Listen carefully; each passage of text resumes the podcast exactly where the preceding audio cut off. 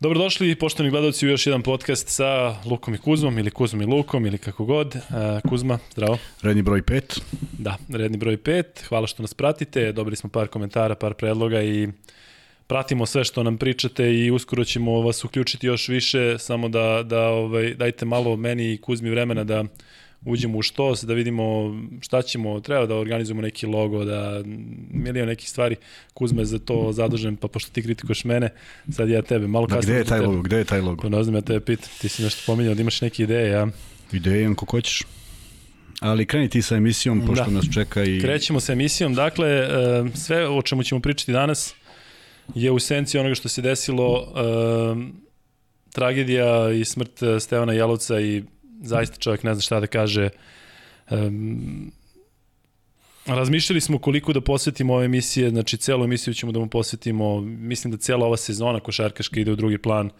E, I kažem, ja nisam poznao dečka, dosta njegovih mečeva sam komentarisao, uvek je bilo zadovoljstvo raditi ga, posebno u tom e, periodu kada, kada je igrao za Gaziantep. E, nekako iz ugla komentatora je, kada se rade strani meči, uvijek je nekako toplo oko srce kada ima neko naš. A u, u slučaju Stevana Jelovca, kažem i u ovom periodu kada je bio u Bambergu, radovao sam se da prenosim njegove mečeve. Kažem, jedan momak koji je uvek onako bio pozitivan, uvek je znao da podine ekipu pun energije i to što se desilo, kažem, ja stvarno ne znam šta ni da mislim više. Ja i ti smo pričali o tome da ćemo dovesti nekog doktora da priča iskusno, odnosno da priča stručno šta se to dešava i moram priznati da sam se nadao da će u nekom trenutku to da krene na bolje, iako oni koji, koji, koji su bili bliži toj situaciji e, kažu da je u suštini bilo to prilično, prilično je bilo teško za, za, za neko pobešanje zdravstvenog stanja, ali kažem ti, ja sam sve nekako verovao da ću da kada sam na telefonu, da ću da pogledam e,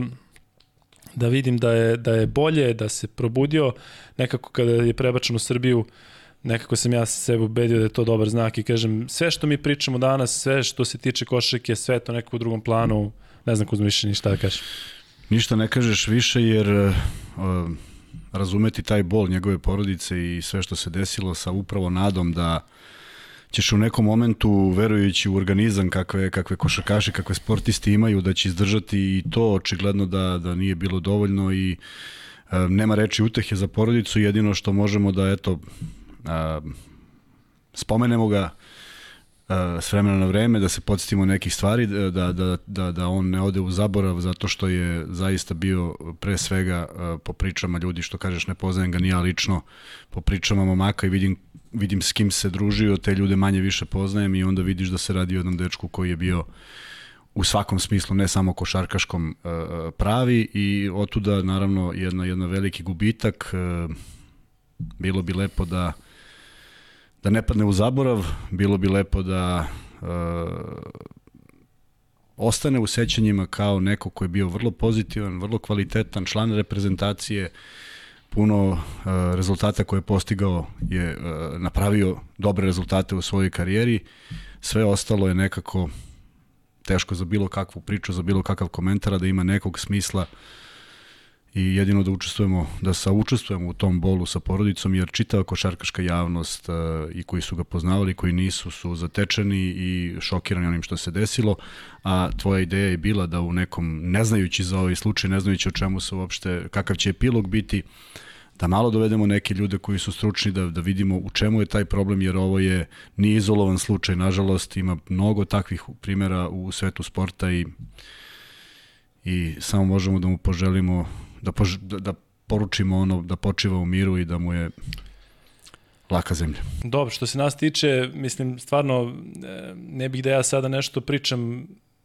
koja je smrt dalja, koja je bliža, ali kad se desilo to sa Kobim, kad se desilo to sa Ođom, to su nevjerovatne stvari. Da. E, ali kad se desi ovako nešto što ti kažeš i reprezentativac i momak koga eto, ti znaš neko koga je znao, bio je tu nekako sve vreme, mega, zvezda, pratili smo ga, Mm, ajde, ne mogu da kažem da je u prime ali eto, bio je u najboljim godinama, mislim, ne znam, kažem ti šta da mislim, eto, ti si najbolje rekao, dakle, nema sada smisla da pričamo o njegovoj igri ili nešto kakav je bio, bio je stvarno fenomenalan košarkaš, ali eto, samo još jednom, dakle, saučešće njegovoj porodici i najbližima i neka počeo u miru.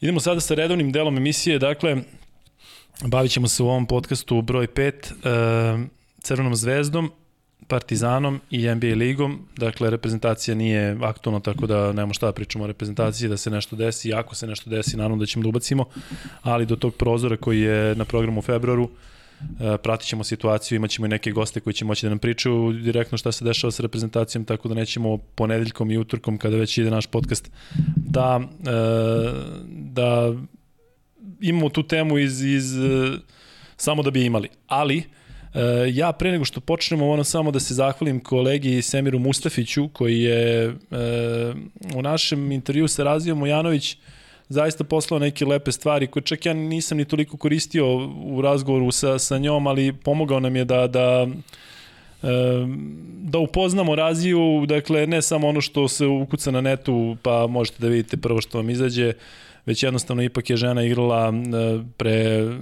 u vreme kada nije bilo ni društvenih mreža, niti bilo čega i kažem e, zahvalnost dakle kolegi sa bosanskog N1, što on kaže sam, mi smo e, članovi iste kuće pod istim smo krovom, tako da se ispomažemo i kažem nije prvi put da, da, tako, tako, da tako sarađujemo, tako da to sam prošli put zaboravio. E, dakle, Kuzma, Zvezda. Zaboravio si da kažeš da je upravni odbor naše male kompanije doneo odluku da, ova, da ove emisije idu utorkom i subotom. E, ali to se još nismo ja, ni ti dogovorili. Ja imam, ja imam razloge, imam razloge zašto mislim da treba da vratimo na ponedljak, ali... Uh, znači, poništamo odluku. Po, da, pa ne, od, odluka je doneta dok, Jednoglasno, dok, ja nisam, bio da, da, dok ja nisam još bio pri sebi. Ovaj, ali, kažem ti, razmišljao sam, ajde vidjet ćemo da, da drži, da držat ćemo ritam da. dva put nedeljno, a što se tiče termina, to ćemo vas, e, to ćemo vas blagovremeno obavestiti Samo ja i Kuzma još da se, da se dogovorimo, ali kažem tu smo, vidite, vjerojatno ako pratite ili ako ste subscribe-ovani, što bi se reklo, onda vidite da izlazimo dva put nedeljno, ali kažem, takav je jednostavno ritam i utakmica i onim čim se bavimo, a i našeg rasporeda da jednostavno ne možemo, bar za sada, da nađemo neki termin, ali tu smo. Dakle, radimo jednom nedeljno gost i jednom nedeljno imamo mi, ali kažem, definisat ćemo to jako brzo. E, Kuzma, Zvezda, e, meč protiv Zenita, ne bih se tu zadržavao toliko dugo koliko bih pričao o narednom periodu i ovome što se dešava e, već ove nedelje, pa i naredne. E, meč protiv Zenita, Jel se slažeš da je najbolji u zoni protiv e, Makabija za Zvezdu ove sezone? Tako je, jedan, jedan izuzetan meč od samog početka. U prenosu sam rekao da nešto neštima u, u ekipi Zenita, ali to sve na stranu. Zvezda je odigrala jednu izuzetno kvalitetnu utakmicu u svakom aspektu. Uh, sve ono što nije funkcionisalo protiv Unixa nekako je došlo na svoje, e, izuzetno veliki broj asistencija, izuzetno veliki broj poena svih igrača raspoređen kako treba i onaj učinak koji, koji uvek e, vide samo treneri i, i stručni štab svih igrača što se defanzive tiče. Dakle, Zenit nije bio na svom nivou, ali u tome je mnogo pomogla i Zvezdina igra. Ono što je bitno, to je e, moment kada je Zvezda to uradila, kada je došla ta pobeda, zato što sad ih čeka čekaju tri utakmice vezano kod kuće i negde u najavama te emisije Ilija Kovačić i ja smo pričali o tome koliko je bitan moment jer stvarno može da odredi pravac u kojem će Zvezda ići u narednom periodu. Daleko od toga da su protivnici koji dolaze u bilo kom smislu laki, jedina prednost je u suštini što se igra kod kuće i to su one utakmice koje svaki klub koji pretenduje na top 8 mora da pobeđuje kako god zna i ume. Naravno, negde će se izgubiti, ali će se negde i osvojiti neka pobeda na strani. Zvezda je protiv Albe s kojom nema dobar učinak kroz, kroz, kroz sve utakmice koje je igrala protiv nemačkog kluba ne mogu da kažem izgubila jer je dobila pobedom protiv Makabija. I sada se vraća Unix koji je koji se desio na domaćem terenu vraćeno je Zenitom, dakle Zvezda je negde u svom ritmu s obzirom na veliki broj gostovanja koje imala i ove sad utakmice zaista određuju dalji, dalji tok sezone jer mislim da ako ispuste ovaj voz da će biti jako teško uključiti, uključiti se u borbu, iako predviđam veliku gužvu za to, za tih osam mesta, pa možda čak negdje do 12. da će potrajati uh, klackalica iz kola u kolo. Znaš šta me zanima Kuzma, kako ti vidiš uh, taj raspored Zvezde, odnosno pričali smo o toj konekciji ABA ligi i Euroligi. Dakle, Zvezda je uh, juče u ponedeljak odigla taj jedan težak meč protiv Cibone, baš je bio meč težak u smislu Cibone je slabiji tim, mora da se odradi, umorni igrači znaju šta ih čeka, mislim, iz, naravno da će uvijek svaki košarkaš da trena da kaže utakmica, sad se bavimo ovom utakmicom, ali ako znaš da ti stižu olimpijadi Olimpijakos, Barcelona i Bayern i imaš Cibonu e, koja, kažem, ima jedan mlad tim i to mora da se dobije. To su ti mečevi koje moraš da dobiješ, a i umoran si i desilo se to što se desilo sa, sa tom tragedijom koja je zadesila srpsku košaku. Baš je bila onako utakmica e, mučna, ali je Zvezda to dobila. E sada, da se samo malo pozabavimo rasporedom, pa ću preći na ovo, ali direktno je povezano sa ovim što, što hoćete pitan. Dakle, Zvezda igra protiv Olimpijakosa u 19 časova u četvrtak, na Sport klubu 1 je prenos, e, i onda ide u novo mesto, igra protiv Krke i onda naredne nedelje ono duplo kolo Evrolige, oba meča Zvezda igra u, u dvorani Aleksandar Nikolić, prvo protiv Barcelone pa protiv Bajerna. E sada, dakle, četvrtak Zvezda Olimpijakos, isto meč Olimpijakos koji je stvarno u dobroj formi, igri ove sezone mnogo da. bolje nego, nego u Nekoliko prošloj. prethodnih. Tako je i nekako delo da su se kod njih kockice sklopile, sada ćemo se baviti konkretno Olimpijakosom, ali onda subota, novo mesto, dvorana Leon Štukalj, gde sam ja imao priliku da igram, da, da, da budemo krki, zašto pričam? Zato što je novo mesto takvo da nema, nema aerodrom u novom mestu. Znači, to će biti jedan mučan put, u smislu da će trajati, pa onda opet Krka koja mora da se dobije i dolaziš onda u Beograd i možeš da igraš dve utakmice. To je ono što ljudi ne shvataju, u smislu ne isprati se možda to toliko tri kao veza na meče Lige, sad će to Zvezda na svom terenu, međutim, e, e, nemam ništa protiv Abe u tom smislu, ali taj meč protiv Krke je možda bude totalno kontraproduktivno za sve što se dešava. Može, i ne zanima to baš nikoga koliko samo tako zanima je. Crvenu zvezdu, je tako? Nema ovde interesa košarke kao takve. Činjenica je da klubovi koji su igrali Euroligu uh, uvek moraju da se bore za tu istu Euroligu, je tako, sa ovih prostora. Činjenica je da je nekad bilo i više klubova, pa je možda malo, možda malo razumevanja moglo da bude više. Ovako moramo da znamo i, i kad si igrao, i kad sam ja igrao, i bilo ko ko je bio mlad igrač, želeo da sruši najboljeg u tom trenutku, Naravno. tako. Dakle, motivi Cibone su jasni, a ti moraš da odigraš utakmicu koju moraš da pobediš zbog e, odnosa snaga na tabeli, da pošalješ poruku E, sve to u jednom u jednoj situaciji koja se ako ništa drugo malo poboljšava što se što se sastava tiče. E, bili smo iznenađeni što Ivanovića nije bilo u sastavu, ispostavilo se da baš na tom prepodnevnom treningu izvrnuo zglob ništa ozbiljno, ali smo nekako ili je ja pričali da je Zvezda napokon u punom sastavu jer tek onda može da se vidi koliko taj tim može. Uh, opet na utakmici protiv Cibona nije bilo Vajta i tako dalje. Dakle, stalno se nešto kombinuje, uh, neko se odmara, što je naravno uh, glavna uloga trenera da, da odmori malo ekipu. Mislim da je to Radonić maksimalno po, pokušao, u nekom segmentu i uspeo, ali eto ispostavilo se da Ivanović odigrao odličnu utakmicu protiv Cibone, Jest. a da nije igrao sticam okolnosti, eto nije igrao u, protiv, protiv Zenita i pitanje je kako bi on funkcionisao u, u, u, istoj, u situaciji da je nastupao. Prema tome, Naporno je, jedina dobra stvar je što Zvezda ne putuje, dakle skraćuje se put, je tako? I to je jedino, inače protiv ekipa koji igraju, koji dolaze spremne, protiv e, Šarunasove Barcelone, koju, gde on uvek traži perfekciju, gde znamo da ni ta Barcelona nije imuna na duplo kolo, dolazi u jednom momentu... Ali znaš zašto, izvini, znaš zašto pričam? Ono što si ti ranije govorio za Bayern, oni imaju 20 igrača. Tako je, oni mogu da dakle, da kombinuju. Tako, tako, oni u domaćem prvenstvu, A, Bayern u Nemačkoj... Imaju licencu, imaju licencu tako u krajnjem slučaju, znaš, i onda može da se kombinuje kako god. Uh, naravno da je to otežavajuća okolnost, Zvezda nema rezervnih 12 ili 5 ili 7 koji mogu da nose ligu, čak negde, negde ne bi ni bilo ni požadno u krajnjem slučaju da baš toliko budu odvojene, odvojene, odvojene te dve ekipe, a igrači koji nose stvarno uh, uh, uh, već, već imaju ozbiljnu minutažu u nogama, nije ni polovina sezone. Ono što je fascinantno, to je da će krajem decembra, ja mislim, već doći utakmica protiv Zenita, što je apsolutni paradoks da su igrali u istom mesecu i da. prvu i drugu utakmicu. ne sviđa mi se taj sistem proizvoljnosti ko igra s kim kad god. Jednostavno ja više volim onaj, onaj ustaljeni ritam. Igraš sada pa znaš kada dolazi ta utakmica. Nekako mi se čini da da će se de dešavati da kada dođe do promene igrača neko će u mnogo jačem sastavu igrati, a neko će biti oslabljen i tako dalje, ali to su sve stvari koje, na koje ne može niko da utiče i uh, board Evrolige ljudi su skloni da kažu Bartomeu, ja ne mislim da on tamo donosi odluke tog tipa, ustane, probudi se i donese odluku, nego jednostavno taj board ljudi koji imaju A licencu, koji predstavljaju te klubove, donesu takve odluke i prosto kada si, sastav, kada si u tom takmičenju moraš da poštoješ pravila koje je odredila većina i naravno da neće odgovarati nekim manjim uh, klubovima, kad kažem manjim, nikada ne mislim na veličinu samog kluba, koliko na uh, poziciju u bordu, nemaju pravo glasa kao i regularni članovi sa licencom i finansijski gde uvek uh, ekipe sa ovog, iz ovog regiona uvek su nekako u zaostatku.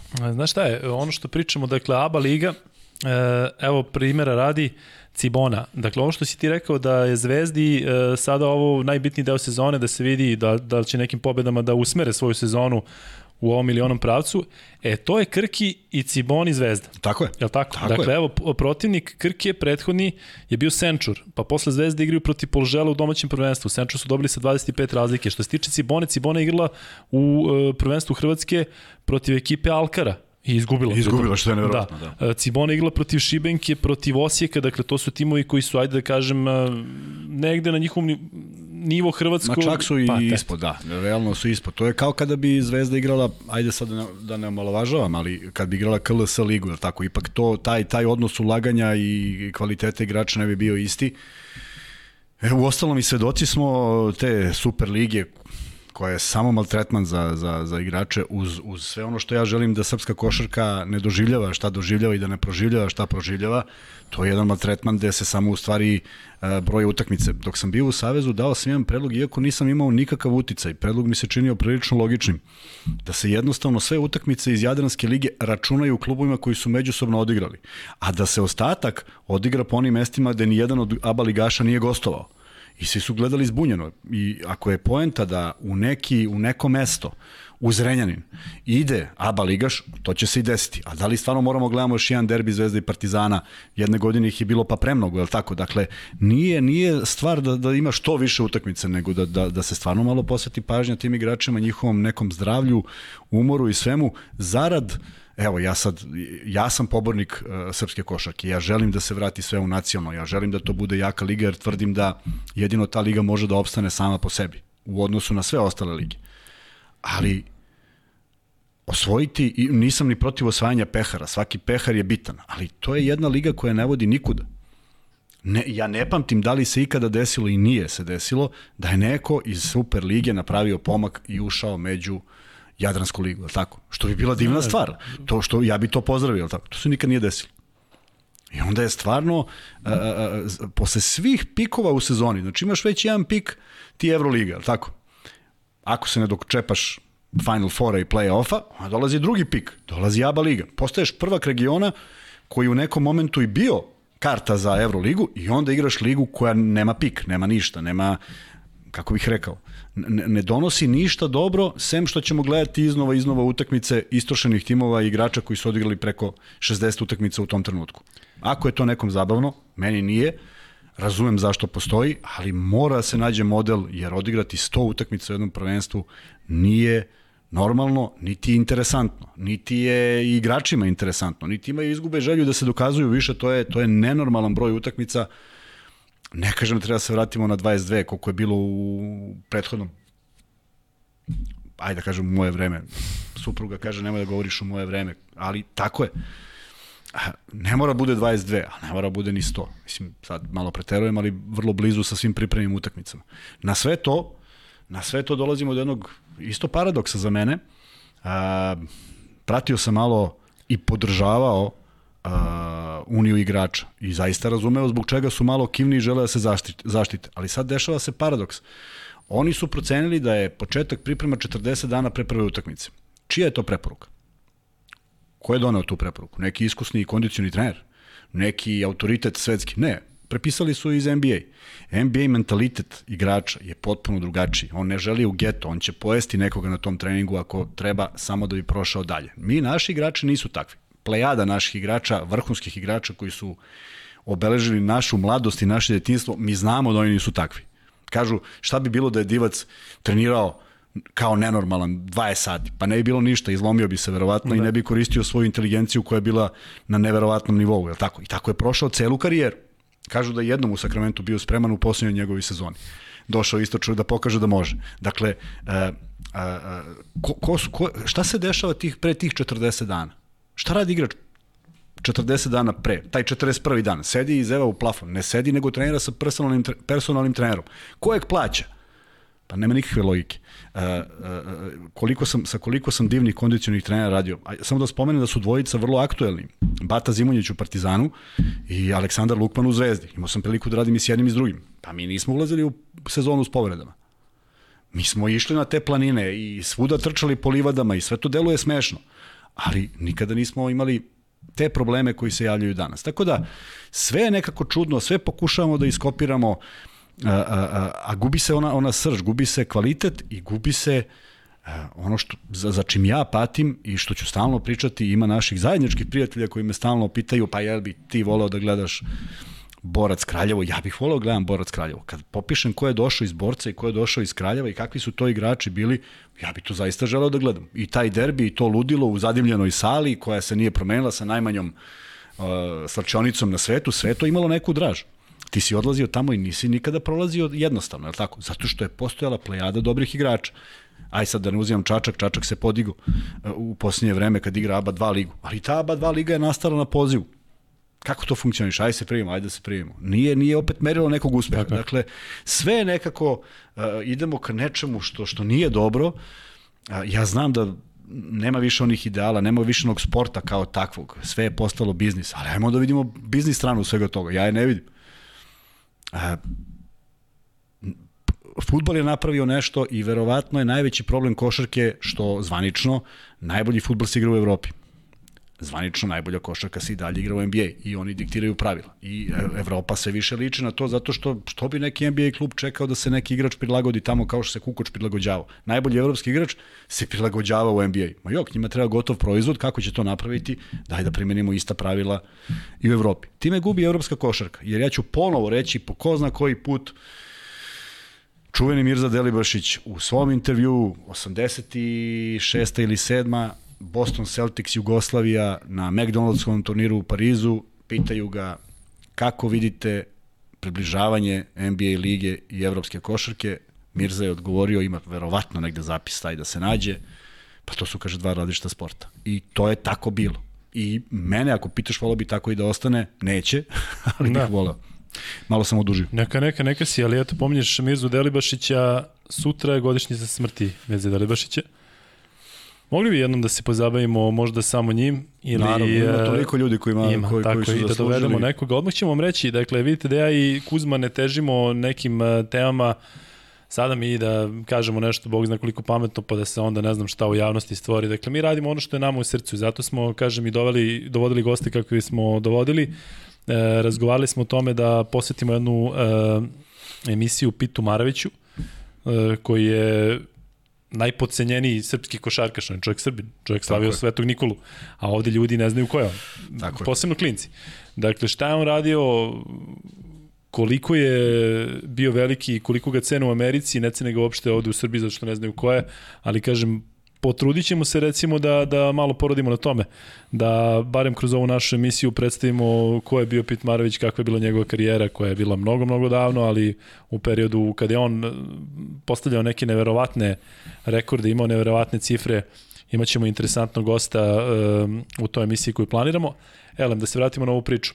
Ovo što si ti rekao da, da uh, takmičenje gubi smisao ima jedna stvar, odnosno to je jedna od mnogih stvari koja je u stvari e, rupa e, iskorišćena za sve ovo što se dešava. U smislu da, takva takmičenja koje nemaju nikakvu težinu, kao što je ABA liga, ti sada budeš prvi i ne znaš da li ćeš da igraš Euroligu. Ne znaš. Pa budeš poslednji pa ne znaš da li ćeš da ispadneš. Pa isto tako govorimo i o KLS-u i o nekim ligama ovde. Pretvara se u to da jednostavno nema novca, što ti kažeš nije biznis model, i e, ne mislim ni na koga konkretno, ali znam primere da igrači koji igraju u prvu A ligu, mada su kladionice to provalile, Oni igraju za kladionicu. Dakle, oni se sastanu i kažu nama se isplati, ajde da vidimo, pa onda tu ima i sistema da se... Pa on njemu je draže da da 100 evra da namesti utakmicu, e, da dobije 200, nego, kažem, to je recimo nešto čime bi takođe mogli da se bavimo. Poražavajuće, da. Kada nema, nemaš, e, znači ti znaš da tebi poraz ili pobjeda ne znači ništa. I onda u fazonu, ajde da vidim kako ću ja sad tu da situaciju... Da izvučem nešto iz toga. Nažalost, tako, tako je. Nažalost, pa tako je, da. I, i, i niko nam nije kriv za to. Znači, ne možemo sada da se žalimo na bilo koga. Uh, polazimo opet od one pretpostavke da je Srpska liga jedina liga koja može da se očuva.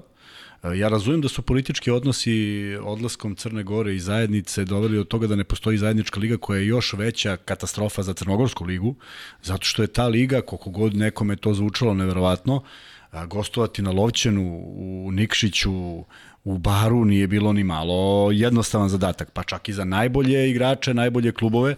Dakle, imalo je svoju težinu, do, stiče, stiče se jedno veliko iskustvo. A nekako se sve svelo i svako vodi računa o sebi u jednoj potpuno amaterskoj ligi koja prelazi amaterizam one prve B lige savezne iz, iz, iz, iz ranijih vremena. Kuzma, ti samo kratko reci, ja koliko čujem, ja samo znam šta su ljudi pričali, ta prva B liga je nekada bila sila. Prva, ja sam, moja prva sezona je bila u 90-91. OKK Beogradu u prvoj B ligi Istok. Prva B liga Istok, sačinjavali su je, sad malo zvuči nevjerovatno, Vojvodina nije pripadala istoku. Vojvodina je bila priključena zapadu. Dakle, istok su bili Uža Srbija, Makedonija, Crna Gora. Zapad su bili Hrvatska, Bosna, Slovenija i Vojvodina. A, biti među prve dve je bilo apsolutno nemoguća misija. Dakle, jedan prvi partirzan je svoje vremena 80. godina triumfalno ušao kroz tu diviziju u prvu ligu, imao nula pobeda u prvoj ligi. Nije bilo to vreme kada si ti mogao baš da dovedeš mnogo igrača. Igrali su isti oni igrači koji su bili strah i trepet u prvoj B. Prosto konkurencija je bila još jača u, u, u, u, u, u, u A ligi. Uh, Jel možeš rabotnički... neka imena?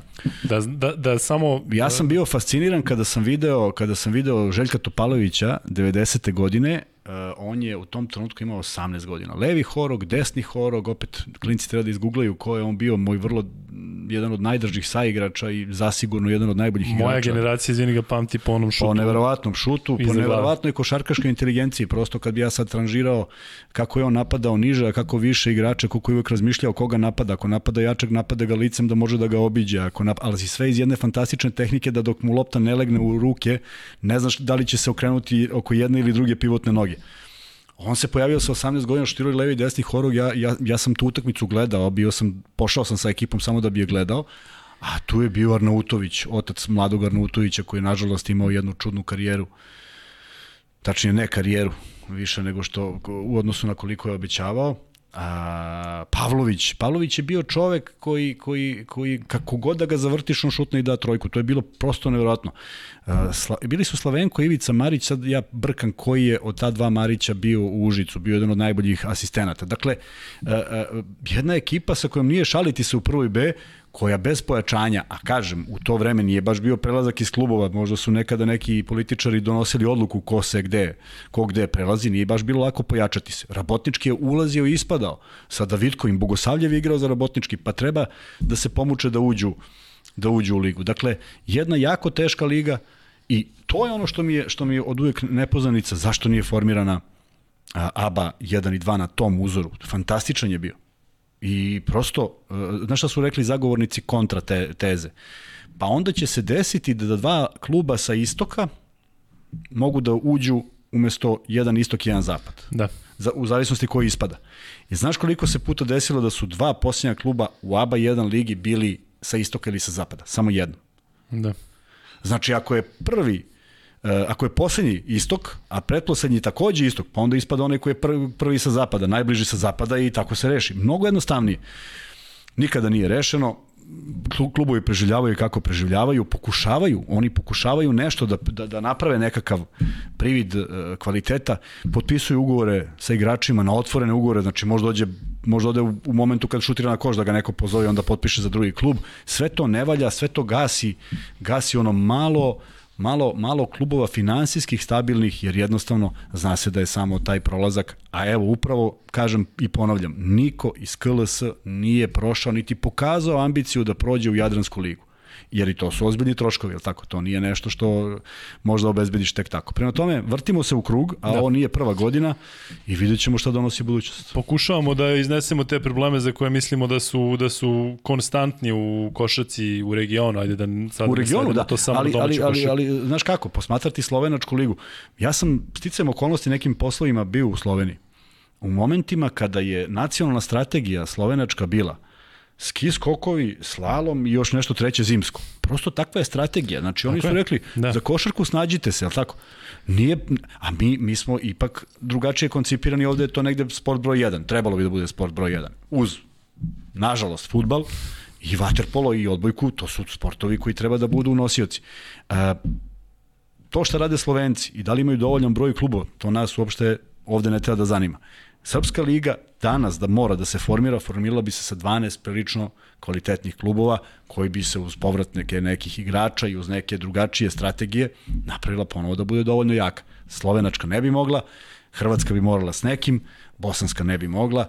Meni je žao što nema Makedonaca u celoj ovoj jadranskoj priči. Uh, a moja podela u glavi je 4-4-4 Bosna, Hrvatska i ovaj i Slovenija a istog bi bio uh, 7-3-2, 7 srpskih, 3 crnogorska koja preostaju kao zaista poznati i kvalitetni klubovi i uvek mesto za neki MZT i rabotnički koji imaju tradiciju 50 godina i više.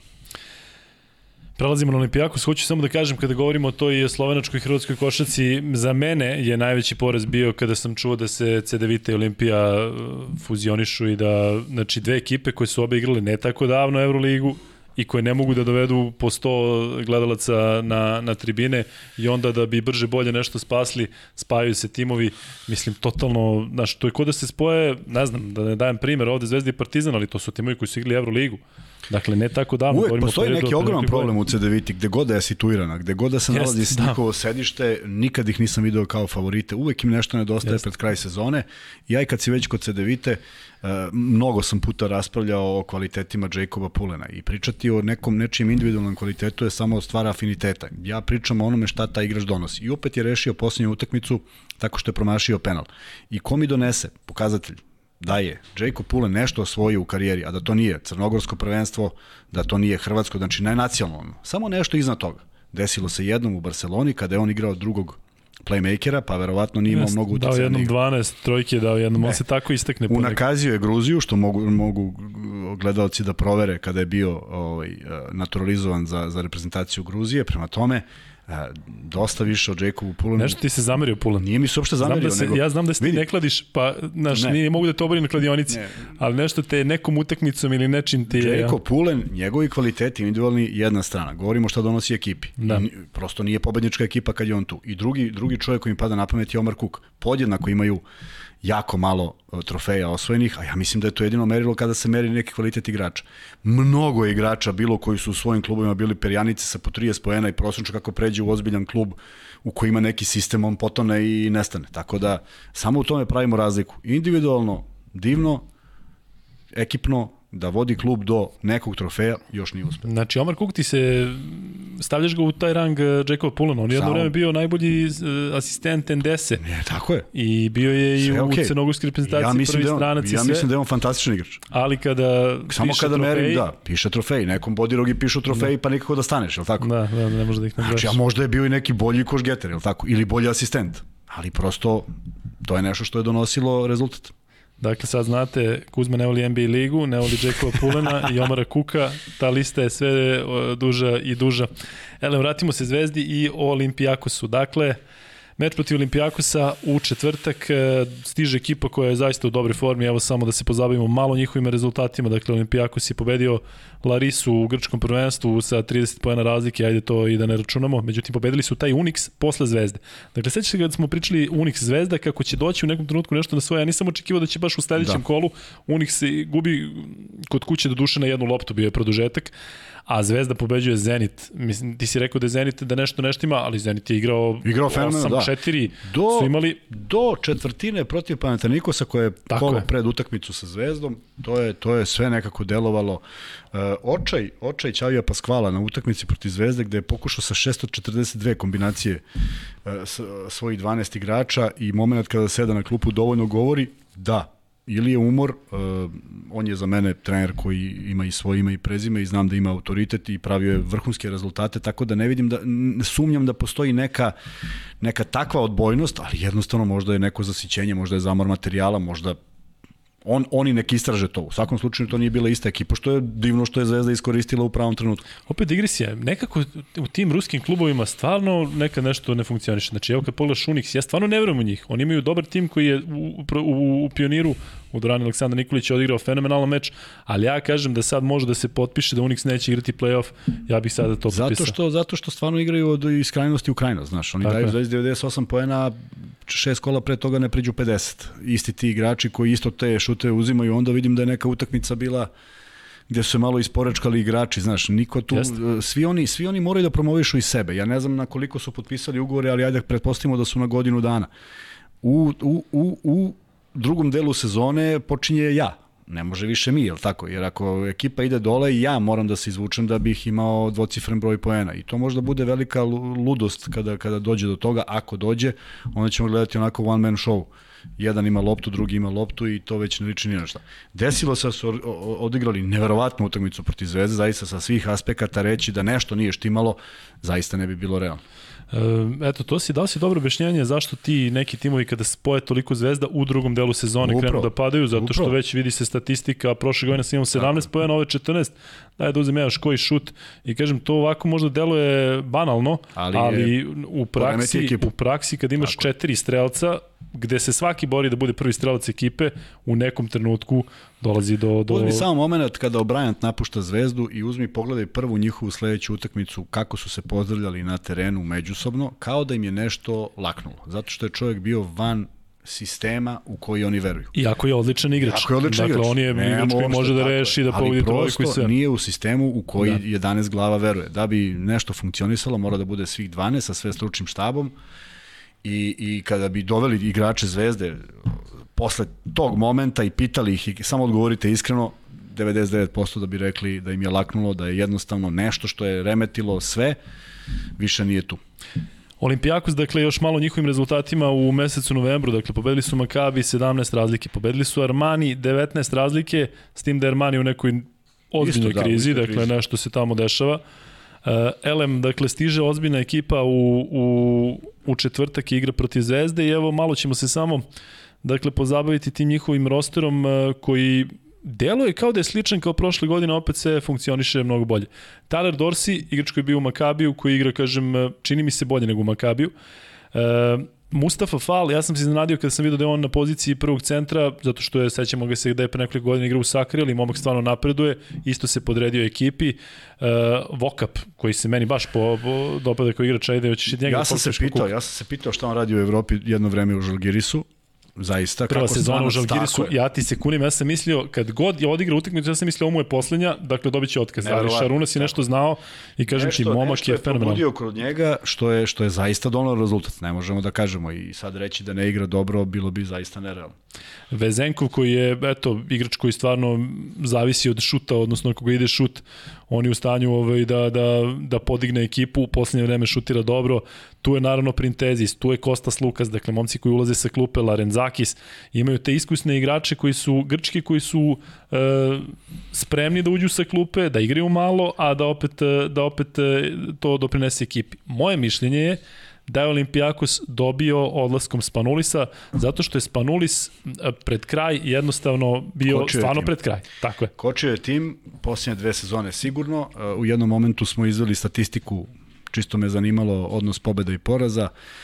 Startovao je sezonu povređen, bilo je na primjer 9-3, a onda se onda je on ušao u igru i onda je otišao to na 3-9. Dakle, jednostavno treba znati moment kad otići, biti jedan od najvećih ja mislim da on je jedan od najvećih igrača Evrolige, uh, ali, na primjer, Diamantidisov odlazak mi je prijao više ovako sa aspekta da. nekog poštovanja i nekog sećanja kako je igrao, jer je negde otišao zaista na vrhuncu. Ne znam što je ovo, verovatno ljubav prema košaci, ajde da, da ne idemo dalje. Ne verujem da, da je bio materijalni moment toliko koliko želja da igra još, međutim nije bio na svom nivou, a malo je onih koji osete da kada nisu na nivou mogu da se podrede ulozi u ekipi, znaš, da bude sad neki tu nekako njihovom egu to ne prija. Tako da je sve u stvari bilo mučenje i da nisi ti rekao, rekao bih da je Olimpijakos na dobrom putu zato što je ipak se povuko Spanulis, povuko je dobar potez i na neki način pomogao svojoj ekipi. A uz sve ono što je uradio.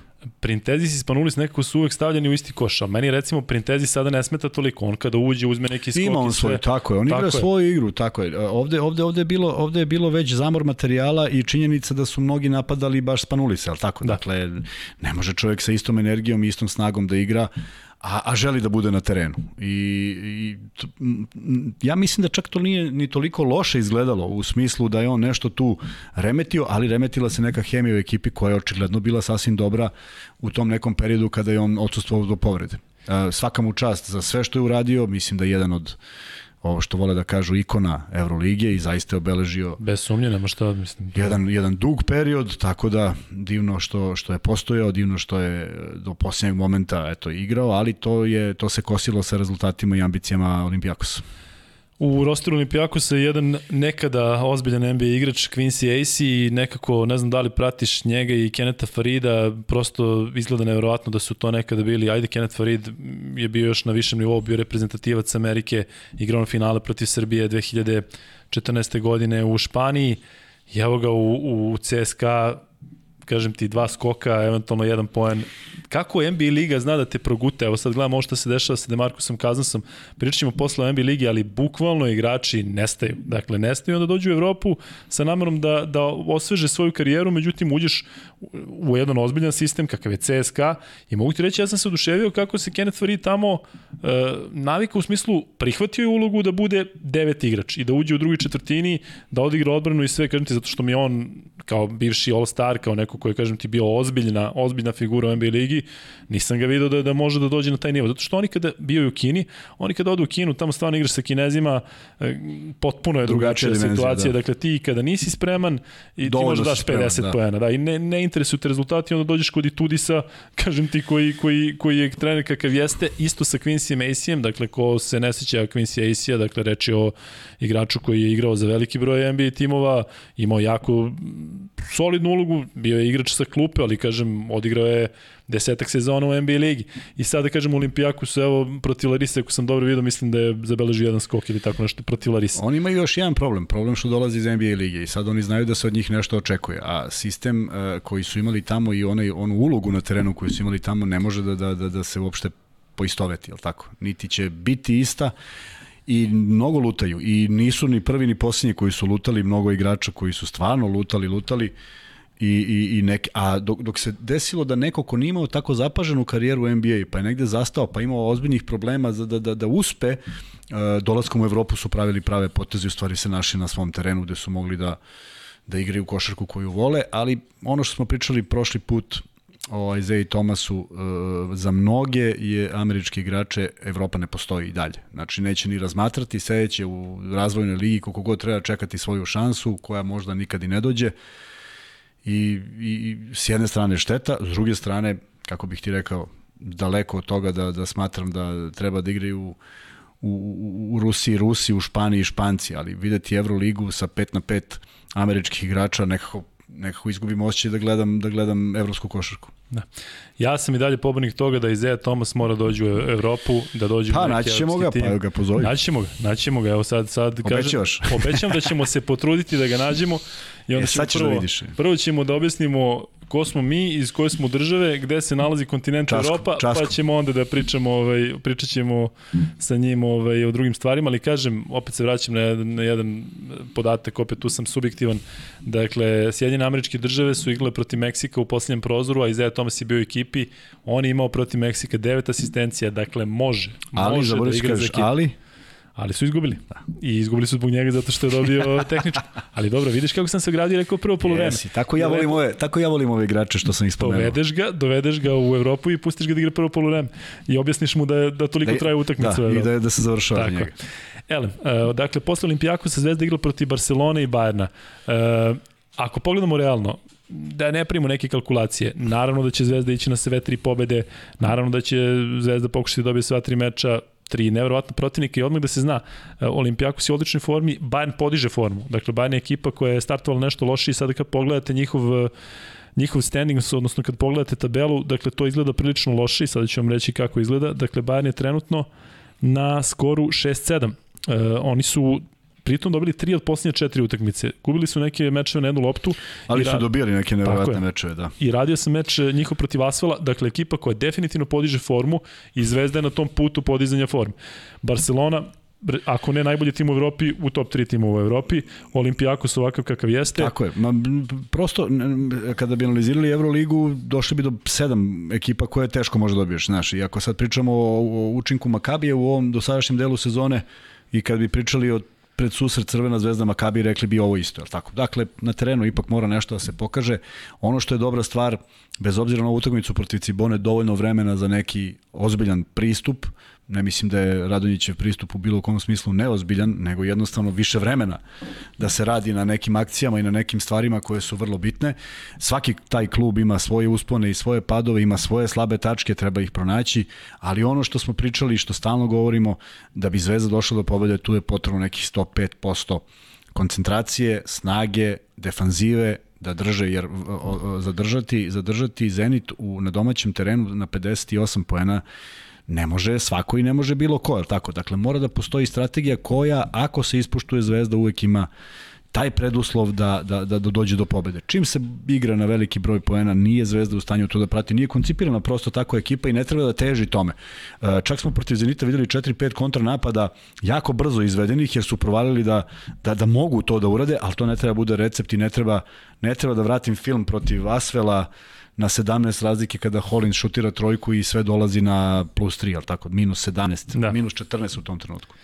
E, dakle, Olimpijakos, Barcelona, Bayern, težak Zvezda raspored... ide na sve pobede i to, to je jednostavno tako. I kako će doći do njih teško, da li je moguće? Moguće, ako su svi zdravi, a red je da budu svi zdravi, to su već dovoljne stvari da, da, da mogu da računaju na ono što uvek najavljujem i što želim da vidim dobru utakmicu. Dakle, ne podbaciti. Ako, ako se desi utakmica kao protiv Uniksa da oni pogode 44% za 3 i 75 za 2, pa prosto teško može da uradiš nešto bolje, osim da si, i, i to nisu bili pojedini šutevi, uopšte nisu bili laki šutevi ili otvoreni šutevi, nego jednostavno to je kvalitet ekipe i protiv toga ne možeš. Ali da bi se to sprečilo, mora da postoji ovo prvo. Samo e, na kratko što se tiče Zvezde, još, e, još par rečenice, dakle, mislim da je ta utakmica protiv Olimpijakusa ključna, zato što poraz, ovoga, da. poraz Barcel, od Barcelone recimo da se desi, je. je mnogo teži kada izgubiš od Olimpija, Olimpijakusa nego kad pobediš Olimpijakus. Ne boli posle... Tako posle je, tako je. I onda se opet ulaziš u... Ako uđeš sa 0-2 protiv Bajerna, opet si u panici. I moraš da uigraš pod tenzijom. Ovako, ovako sa ovom pobedom protiv Zenita Zvezda može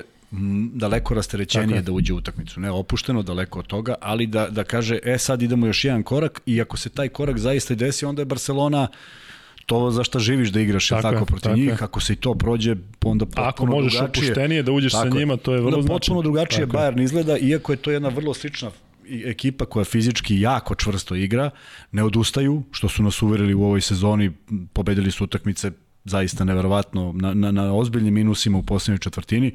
Prema tome, e, naći će ravnopravno protivnika i u tom sistemu i u tom kontekstu. 3-0 je fantazija, 2-1 mislim da je nešto što, što bi zadovoljilo Zvezdu.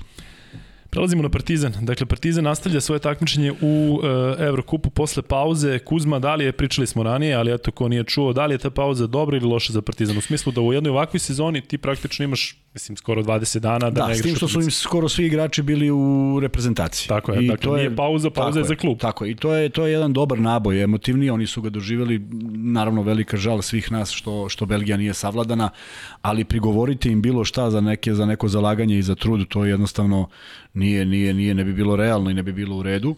u jednom momentu je čak i petorka Partizana bila na parketu, što ipak govori da su, da su odrađivali te treninge ili te utakmice koje su imali, koje nisu imali, što je dodatno donelo i neku sigurnost u igri u krajnjem slučaju, bar bi trebalo tako da bude.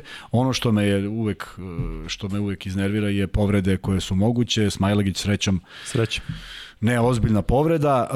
Uh, jedna teška utakmica protiv uh, Igokeja, Igokeja koja je pobedila Crvenu zvezdu. Svi su pričali kako uh, Partizan ide na domaći teren. Iskreno govoreći, ja kad sam igrao u budućnosti, dešavalo se bude više navijača Partizana i Zvezde nego, nego u budućnosti, ali smo igrali i pored toga. Tako i Igokeja. E, pokazali su, e, to je jako mlada ekipa za mnoge ljude koji, koji prate, ne znaju da su to manje više sve bili mladi reprezentativci, željni dokazivanja i naravno da im je cilj da, da, da odigraju protiv najboljih. U tom ne iznenađuje činjenica da je Partizan doslovce u posljednjim trenucima pobedio. A, što je u suštini i dobro i dobro za Partizan da shvate neku ranjivost, da shvate mogućnost da mogu da se dese porazi u Adranskoj ligi, da ozbiljnije shvate utakmicu koja sledi, jer e, ne bih da poredim i Gokeo i Metropolitan, ali drugačije takmičenje samo po sebi i onda je drugačija, drugačiji fokus na sve to. Igraju protiv jako interesantne ekipe, fizički jake i brze, Partizan koji odgovara istom merom što se brzine tiče, tu, tu, tu, tu ja uvek navijam za one sporije ekipe da malo uspore ritam protiv tih brzih i skočnih, zato što nekako mislim da, da, da je to recept za pobedu. Da ne bude da ja ovde pravdam sada u napred Partizan ili Zvezdu, ali uh, ekipa koju niko ne zna kako se zove, dakle oni se zovu i Pariz i Levallois i onda imaš nekoliko varijanti Metropolitan, Metropolitan, Metropolitans sam video negde da, da, da, da na našim sajtovima u Srbiji piše, elem, ozbiljna, ozbiljna ekipa i to su ti najteži mečevi um, u smislu da kao protiv Andore igraš meč koji, eto, prosečan navijač Partizana mislim da mora da se dobije, tako? Partizan sa Željkom Obradovićem favorizova. Da, mora, fa, da, tako a je. A Metropolitan je ekipa koja je baš protiv Partizana pokazala prethodnih sezona koliko su nezgodni. E, baš jedan dobar tim, gde se niko ne izdvaja da kaže sad imaju nekog igrača koji, koji ne znam, ispada iz, iz izdvaja se statistikom I zato mislim da je pobeda Partizana protiv Gokeje jako, jako bitna. Da, da se da, izgubilo, da se izgubilo protiv Gokeje, ovamo ideš sada, znači o, drugi poraz u, u, u ABA ligi, pa znaš da to posle moraš negde da nadoknađuješ. Znači, Već si pod pritiskom. Tako je. Što se tiče ekipe Pariza, dakle oni trenutno imaju tri pobedu u Evrokupu i imaju dva poraza. Oba meča su izgubili na strani protiv Lokomotive Kubanje i protiv Turk Telekoma, a savladali su Slask, koja uopšte nije loša ekipa, iako mnogi misle da je Slask kao neko topovsko mesto. Trenutno su pobedili na svom terenu i pobedili su uh, Hamburg u gostima. Ali, kažem još jednom, jedna žilova ekipa poput Andore, dakle misli se ide se tamo na neko gostovanje, to će lako da se dobije, apsolutno ne. A uh, u prilog tome govori da uh, Metropolitan uh, ima šest pobjeda za redom, računajući i francusko prvenstvo i Eurocup, a ako pogledamo malo širu sliku, imaju 9 od 10 pobjeda za redom. I kažem, igli su protiv ozbiljnih ekipa i u Eurocupu, i u domaćem prvenstvu. Tako da biće sve, samo neće biti lako. Najveće čudo poraz od Turk Telekoma, zato što je Partizan uh, možda ispustio priliku da ih onako baš E, napuni i, i da ih da ih pošalje kući sa jednom porukom da nemaju šta da traže u nekom revanšu i u nekom u nekim daljim utakmicama tako da je to iznenađenje ali naravno svaki put se desi pad ili ti jedna ekipa prosto ne odgovara ili te nekako nekako na početku na početku ne krene ta ta energija kojom koja je vrlo bitna. I evo vraćamo se na te utakmice i Zvezda i Partizana. Naravno mnogo ljudi to kod nas gleda. E, tačno osetiš onaj moment sa kojim žarom su, sa kojim fokusom, sa kojom energijom su ušli u utakmicu i, i ne mogu da kažem da pouzdano može da se zna kakav će ishod biti, ali prepoznaš. Navijači koji prate svoje klubove prepoznaju e, kad je to, kad je to na nivou, kad nije. Za Metropolitans će im biti potrebna ogromna doza energije, e, ne samo to, treba će im malo više, malo više preciznosti u napadima. Ja znam da nije lako uh, primati sve te informacije. U krajnjem slučaju Kuruc je rekao da mu još uvek neke stvari nisu jasne šta, šta Obradović traži od njega. To je kada dobijete trenera koji toliko zna, je tako? I kada on traži to što traži, e, moraš da se prilagodiš svemu tome. E, ono što mora Partizan da uradi to je da malo da, da, da tu igru nekako usavrše, jer uh, na derbiju protiv Zvezde jako je mali broj asistencija, broj 13. Dakle, to znači da se sve svodilo na, na, na, na individualne napade, što ne verujem da je uopšte ideja uh, Željka Obradovića i u krajnjem slučaju dok smo gledali reprezentaciju videli smo fantastičnu saradnju Avramovića i Smajlagića u nekoliko navrata, znači to sve može. To je Partizanu potrebno da legne, jer ne može to da se desi za ovako kratak period, pogotovo kratak period koji je popunjen više utakmicama nego, nego treninzima. Dakle, još jednom ekipa uh, Metropolitana jača nego ikada. Dakle, koliko su jaki, pokazuje to da su pre otprilike dve nedelje pobedili Asvel, Asvel su dobili, da. 20 razlike u Villebranu. Da. Dakle, Asvel koji je ozbiljna evroligaška ekipa, počistili su ih sa terena. Kada pogledate njihov roster, tu se izdvaja, dakle, Will Cummings, Vince Hunter, Jordan McRae, dakle sve igrači dobro poznati McRae u NBA ligi, a i na na evropskom nivou, ali se nekako ovde definitivno uklopio, nije kao situacija u Galatasaraju kada je prošle sezone on radio šta je hteo, pa možda da 30, možda da, može da ne da 3, međutim, e, trener e, Metropolitana je dugogodišnji selektor francuski Vincent Collet, koji, kažem, ima devet igrača, dobrih devet igrača u rotaciji i taj meč, kažem još jednom, za Partizan će biti sve, samo neće biti lak. E, ja iskreno očekujem jako tvrdu utakmicu, zato što Kole i Obradović, to mi nekako ne deluje da sad može da pršti na sve strane, da budu neke stotke i sve. Kažem, dakle, pretpostavljam da će meč, koji treba da kažemo da se igra u, u, u sredu, da će biti ružan za gledanje. Zato što, kažem, e, Partizan se sada vraća posle jedne pauze u, u Eurocup, kao i, i e, Metropolitan. Vrlo bitan meč i za jedni i za drugi, dakle, e, jedni i drugi trenutno imaju pozitivan skor.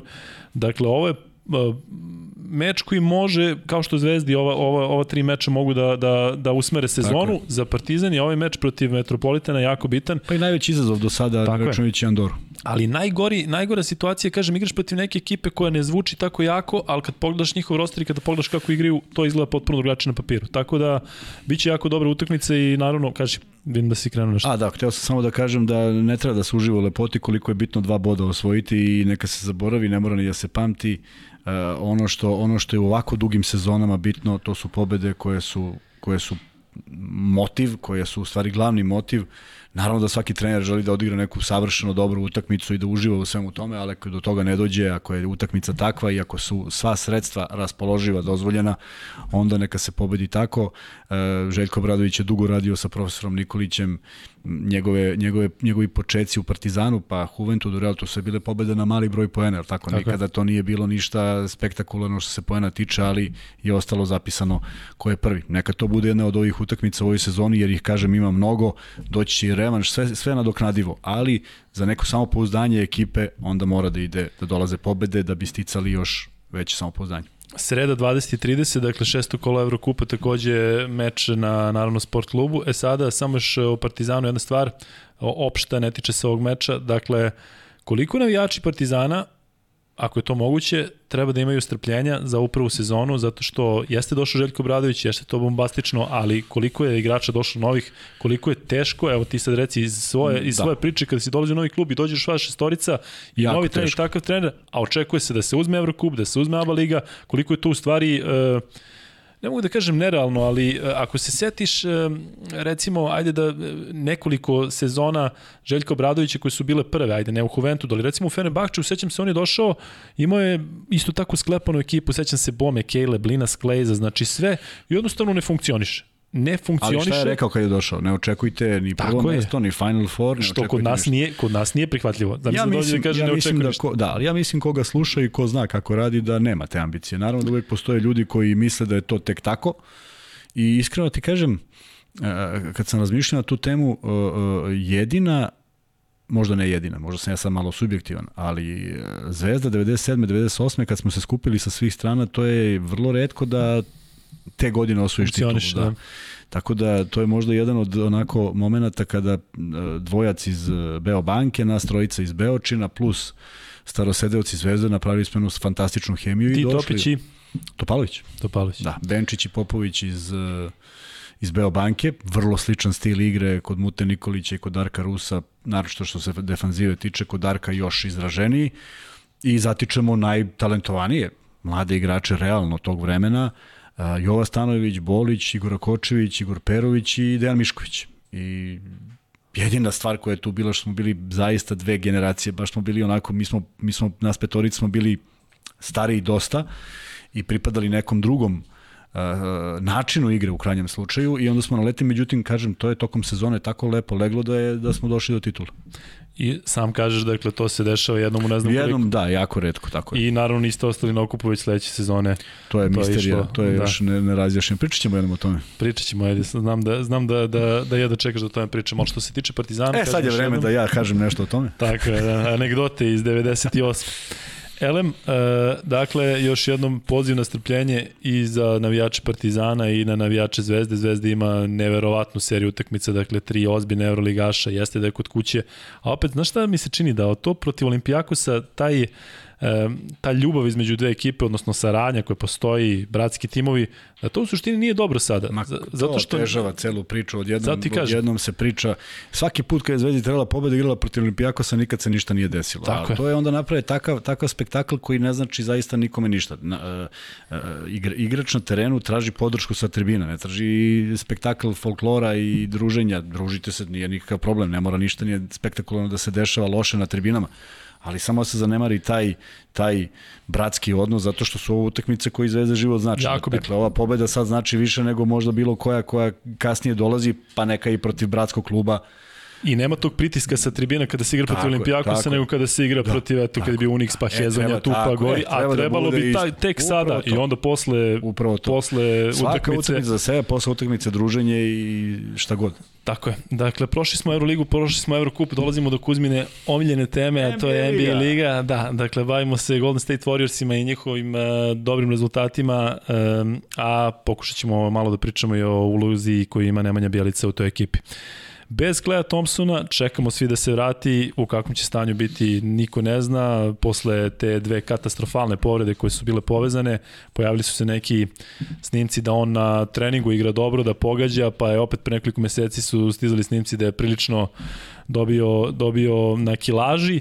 Ja mislim da on može da poremeti sada ovaj ritam koji ima Golden State. Golden State je trenutno na 14-4, možda i najbitnija pobeda. Pobedili su Phoenix, prekinuli im niz od 17 pobeda i e, ono što mi se čini e, nekako se na početku sezone sve e, postavilo tako da Kari mora da bude MVP. Nemam ništa protiv i mislim da treba, on će recimo u naredne tri utakmice, četiri, e, do tog njihovog Božića će oboriti taj, e, taj e, rekord Rea Alena po broju postignutih trojki i to će biti zaista glavna vest svuda, znači da to se spremite i treba da bude, ne, ne pocenjujem, ali e, što se tiče Golden State-a, mislim da su eto žrtvovali dve sezone i da su sada eto imaju zdravo Karija, imaju Grina koji hoće da igra, imaju Kleja Thompsona koji treba da se vrati, Wiggins igra fantastično i u celoj toj priči Nemanja Bjelica je pronašao svoje mesto.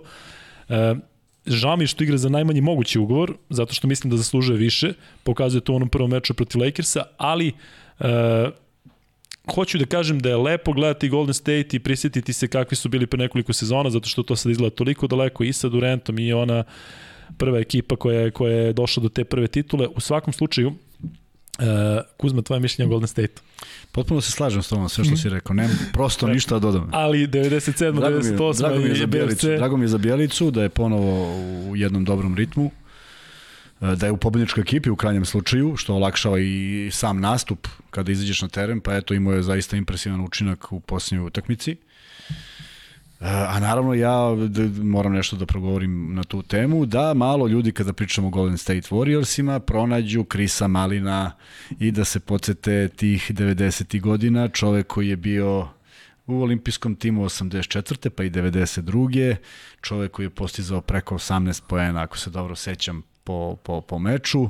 Možemo da pričamo Malin, Weber, Tim Hardaway, volim jedan, ja taj Golden State. Jedan, to je da, Golden State, jedan, ali on je, on je poseban iz prostog razloga što je bio pro, iz prostog razloga što je bio u vrhu na draftu, među 10, 5, 7, 8. Što je levak, što je spor yes. užasno i što je samo yes. koristio svoj kliker i jedan dakle. neverovatan šut i toliki, toliko dugi niz godina biti u, u samom vrhu i, i, i biti čak i deo tog Dream tima, jer sad mlađima kad pričaš Dream Team, oni pomise na 2020. A ta 92. je zaista nešto posebno i neponovljivo.